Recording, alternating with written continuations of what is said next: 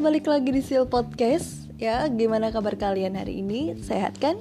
Nah, kalian ingat gak sih di episode sebelumnya Aku membahas tentang jalan kaki Nah, masih kaitannya dengan itu Kalian mungkin juga ingat nih Di menit keberapa gitu ya Aku sempat mengatakan kalau ada satu aktivitas Yang pada saat itu pernah aku lakukan bersama teman-teman di sekolah Yaitu persami Dan salah satu aktivitasnya adalah kami harus berjalan dari sekolah menuju rumah sakit yang jarak tempuh sekali jalannya sekitar 4,5 km kalau misalnya dilihat dari maps.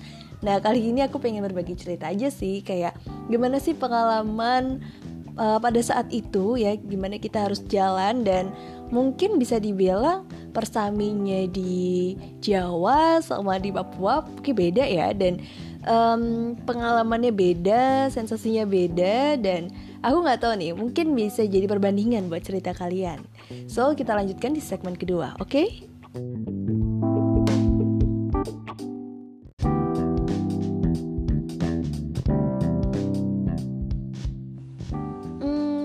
Sih ya kalau untuk pengalaman persami itu cuma aku dapetin waktu SMA karena aku bukan anak pramuka terus juga memang nggak pernah ikut-ikut kegiatan kayak gitu tuh. Padahal pengen sih sebenarnya kayak ikut perkemahan di buper ya. Kalau kalian tahu kan istilah uh, buper itu adalah bumi perkemahan. Terus juga ada aktivitas-aktivitas lain yang outdoor yang kita bisa lakukan di luaran sana bersama teman-teman. Nah Persami ini ketika aku SMA benar-benar baru pertama kali aku lakuin dan memang karena dilakukannya di sekolah sih. Jadi hmm, apa ya? Aktivitasnya itu jadi lebih terarah, terkontrol gitu ya.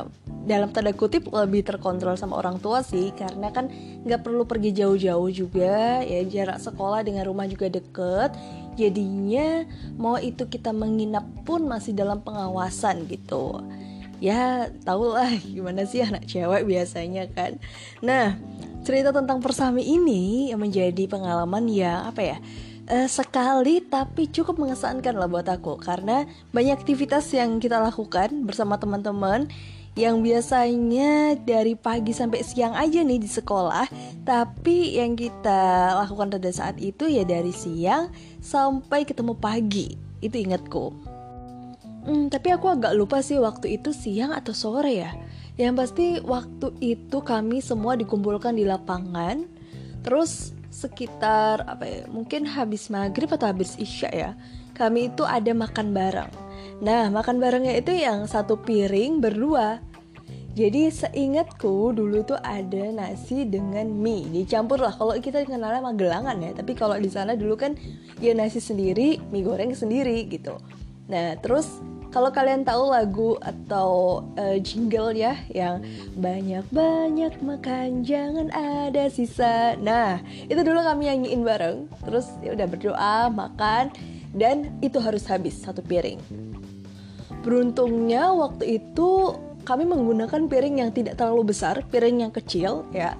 Terus juga karena makanku itu nggak banyak, aku beruntungnya lagi karena temanku bisa ngabisin itu gitu. Jadi ya memang makannya setengah-setengah sih tapi porsi temanku agak lebih lah dari aku.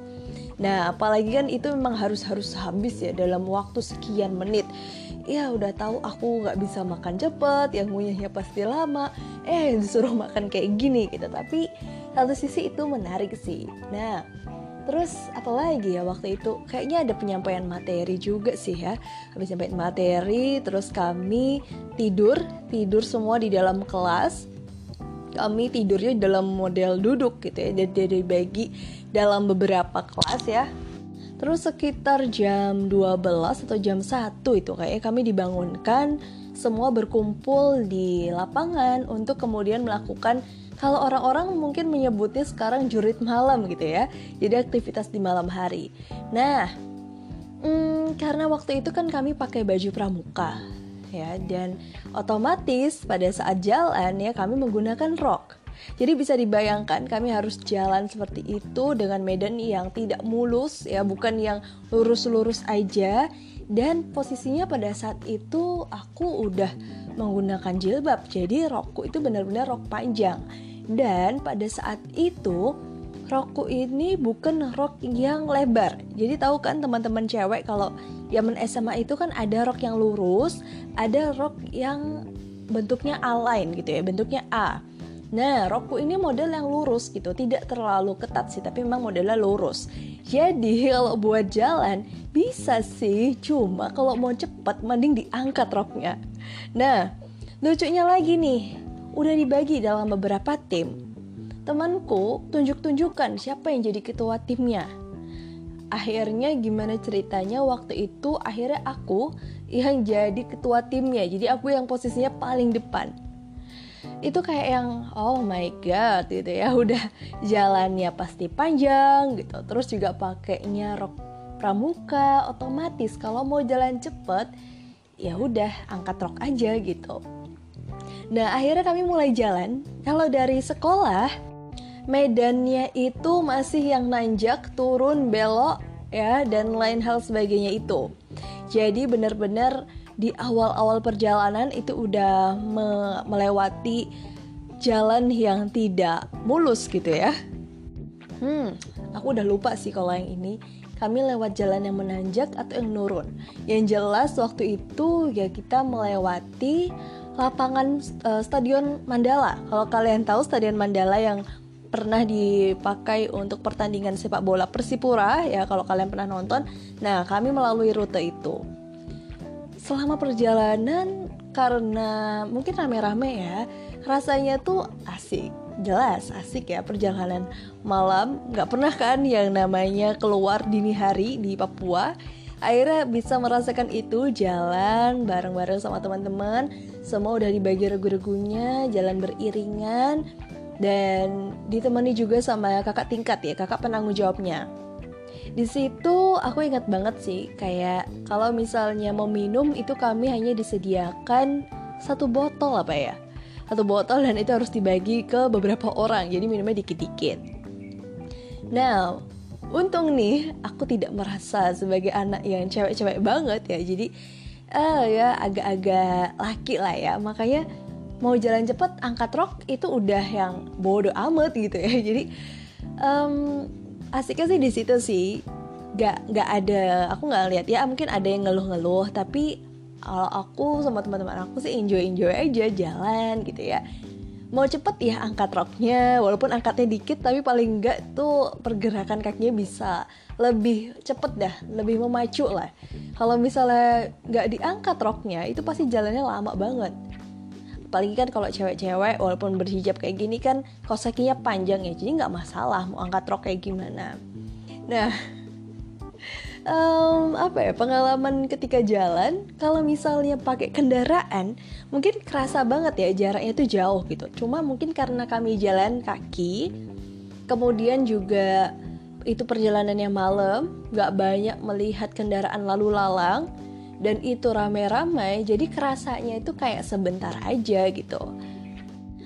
Empat setengah kilo ya empat setengah kilo itu kira-kira kalau dari hmm, jalan kali orang kilometer 8 itu bisa sampai ke deket Mirota Mirota Pasaraya gitu. Eh bukan bukan sampai deket Mirota kampus. Nah itu jalan kaki. Cuma kan kalau di jalan kali orang ini kan lurus-lurus baik ya.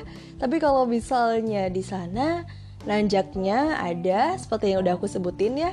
Belok-beloknya ada dan kami juga melewati area yang gelap gulita tanpa ada lampu masih banyak pohon-pohon tinggi walaupun itu di jalan raya dan di situ area yang sering eh, apa ya sering terjadi kecelakaan Makanya waktu tahu mau persami, mama tuh dulu cuma mesenin, "Kak, kalau di jalan jangan melamun ya, baca doa gitu." Termasuk juga kakak-kakak tingkat gitu.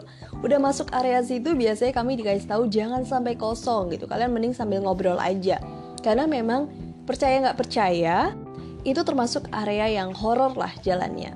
Tadi gelap, Kemudian kalau untuk pejalan ini ya lalu lintas itu agak curam, curamnya itu belokannya dan sering terjadi kecelakaan.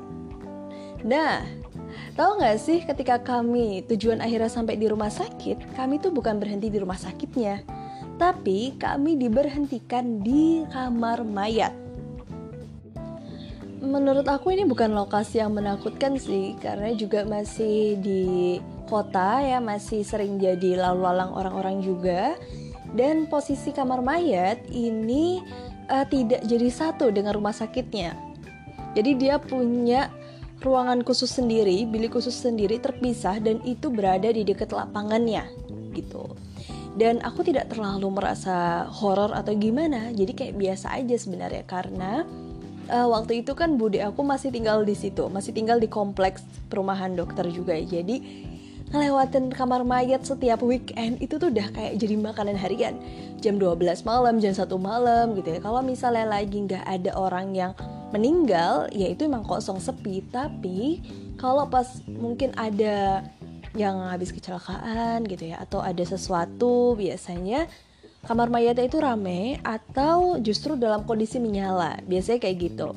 Nah, mungkin yang cukup jadi agak deg-degan ya. Ternyata ketika kami sampai di sana kan itu berkloter ya. Jadi jalannya itu menuju rumah sakit naik menanjak. Terus dia memutar. Jadi kayak jalan yang menanjak terus kalian kayak muter terus kemudian turun lagi jalannya. Nah, tengah-tengahnya itu lapangan. Jadi lapangan itu seperti batasan antara jalan yang menanjak sama jalan yang menurun. Dan ketika kami harus menuju ke kamar mayat itu, kami harus melalui rute itu. Jadi kami nggak boleh motong jalan langsung ke jalan yang turunan itu. Jadi tetap harus ngikutin jalan yang nanjak dulu. Kemudian kami tunggu di pos, jadi kayak tunggu kloter selanjutnya karena tuh banyak banget gitu ya. Dan sampai akhirnya giliran kloterku. Nah, percaya atau enggak, ternyata ya ketika kami lagi persami itu, ketika kami lagi jalan ke rumah sakit dan menuju ke kamar mayat, ada hmm, apa ya? Ternyata ada yang baru saja meninggal. Jadi di situ ada ya maaf mayat ya beneran. Nah, itu kayaknya sempat jadi ini sih uh, apa ya bahan pembicaraan juga maksudnya antara panitia gitu ya. Jadi kayak sempat denger denger gitu jadi enggak jadi enggak gitu. Karena otomatis kan karena ada mayatnya gitu ya karena ada petinya kalau di sana kan kayak kita tahu ya teman-teman yang non gitu kan pasti diletakkan di dalam peti. Nah mereka keluarganya kurang berkenan nih kalau misalnya ada aktivitas ya masuk akal juga sih kayak ya di situ lagi keluarga berkumpul semua lagi ada kedukaan tapi kok mau dipakai buat aktivitas gitu. Dulu seingatku kayak gitu gitu. Nggak tahu bener atau enggak nih. Cuma waktu itu memang ada dari luar juga sih dari orang-orang luar dan katanya beneran ada petinya gitu.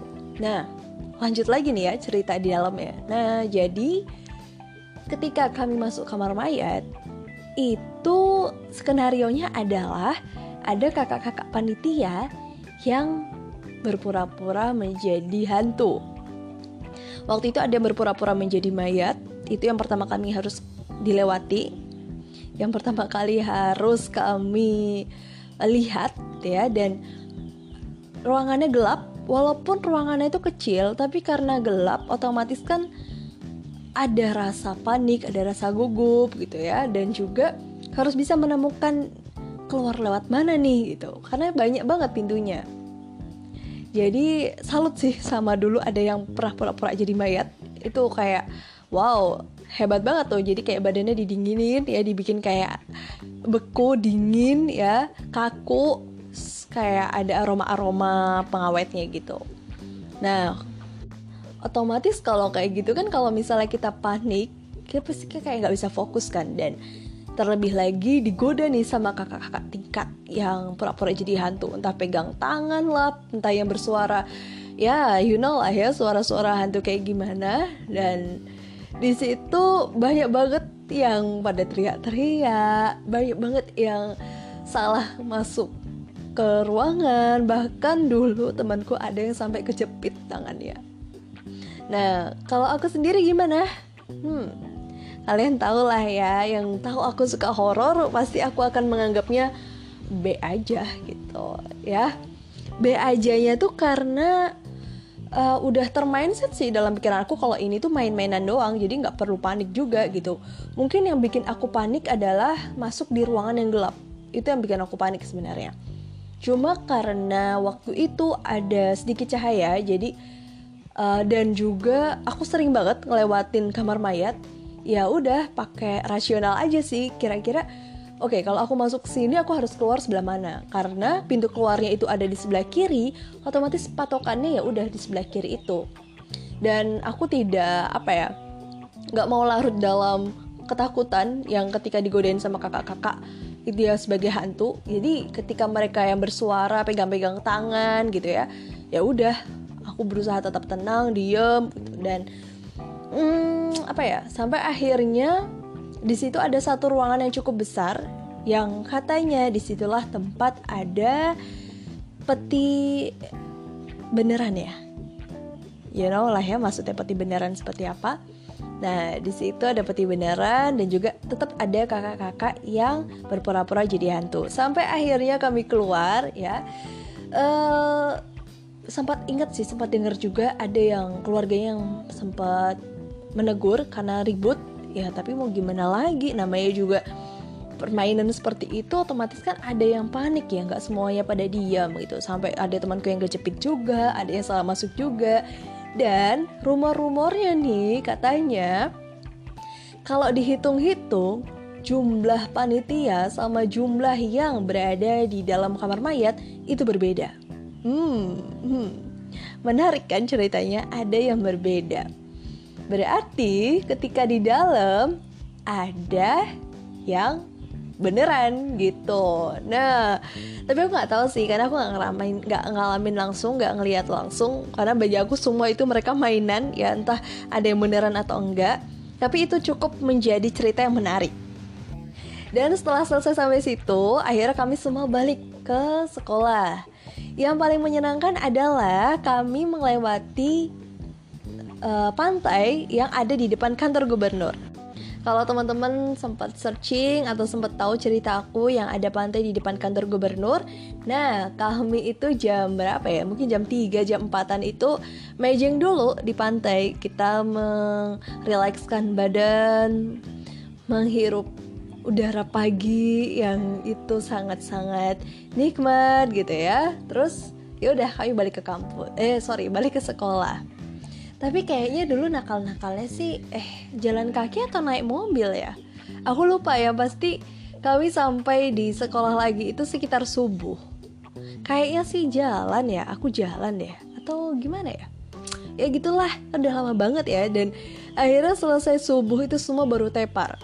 Semua baru tepar ada yang tepar di kelas ada yang tepar di lapangan ada yang tepar di uh, musola dan akhirnya kami semua pagi itu sarapan dan yaudah kami pulang. Pengalaman yang cukup menarik dalam satu malam ya. Pengalaman yang gak akan terlupakan karena buat aku sendiri yang jarang ikut-ikut seperti itu ya bisa nambah pengalaman jalan lah, pengalaman jalan kaki, pengalaman yang menegangkan walaupun pengalaman mistisnya itu dibuat-buat tapi aku salut sih sama panitia yang udah membuat acara itu. Dan mungkin teman-teman yang pernah mengalami pernah mengikuti jurit malam di Jawa yang katanya di hutan-hutan atau apa gitu mungkin punya pengalaman yang lebih menarik lagi. Ya semoga itu menjadi pengalaman yang cukup mengesankan buat kalian. Dan itu aja sih kayaknya ceritaku dan sampai jumpa di episode selanjutnya. Bye bye